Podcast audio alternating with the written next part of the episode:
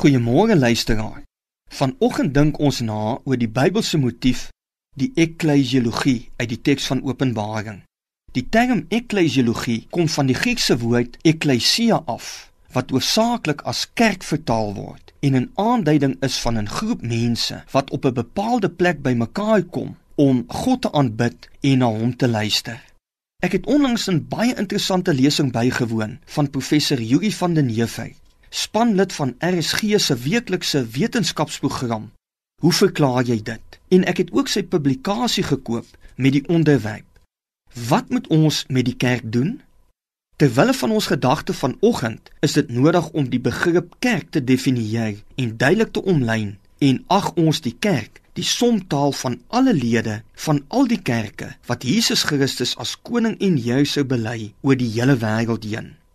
Dit is die bedoeling van Jesus Christus se opdrag aan Johannes die skrywer van Openbaring om alles wat hy sien op te skryf in 'n boek en dit te stuur aan die sewe kerke in die sewe groot stede van die Romeinse provinsie Klein-Asië. En dit sluit dus al die kerke in. Dit is ook wat die visioen van Jesus simboliseer wanneer hy omring is deur die sewe goue lampe wat metafories die sewe kerke simboliseer. En terwyl hy in sy hand die sewe sterre vashou wat metafories die sewe geestelike leiers van die sewe kerke simboliseer. Die gedagte vir vanoggend kom dan nou in 'n vraagvorm. Wat gaan ons vandag met ons kerk doen? Die kerk wat deur Johannes metafories aangedui word, eers as die bruid van die lam in Openbaring 19:7 en 21:2 en in 21:9 as die vrou van die lam. Ons weet almal goed wat dit beteken om vrou of man te wees in 'n huwelik. En dis lief is vir mekaar.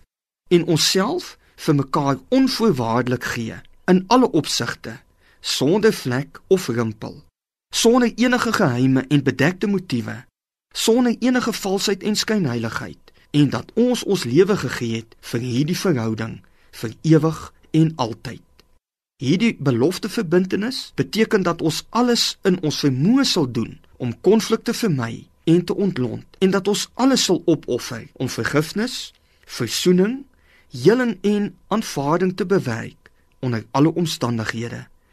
Dit is wat ons met ons kerk behoort te doen. Here, bind ons saam opnuut in liefde en in eenheid in u kerk. Amen.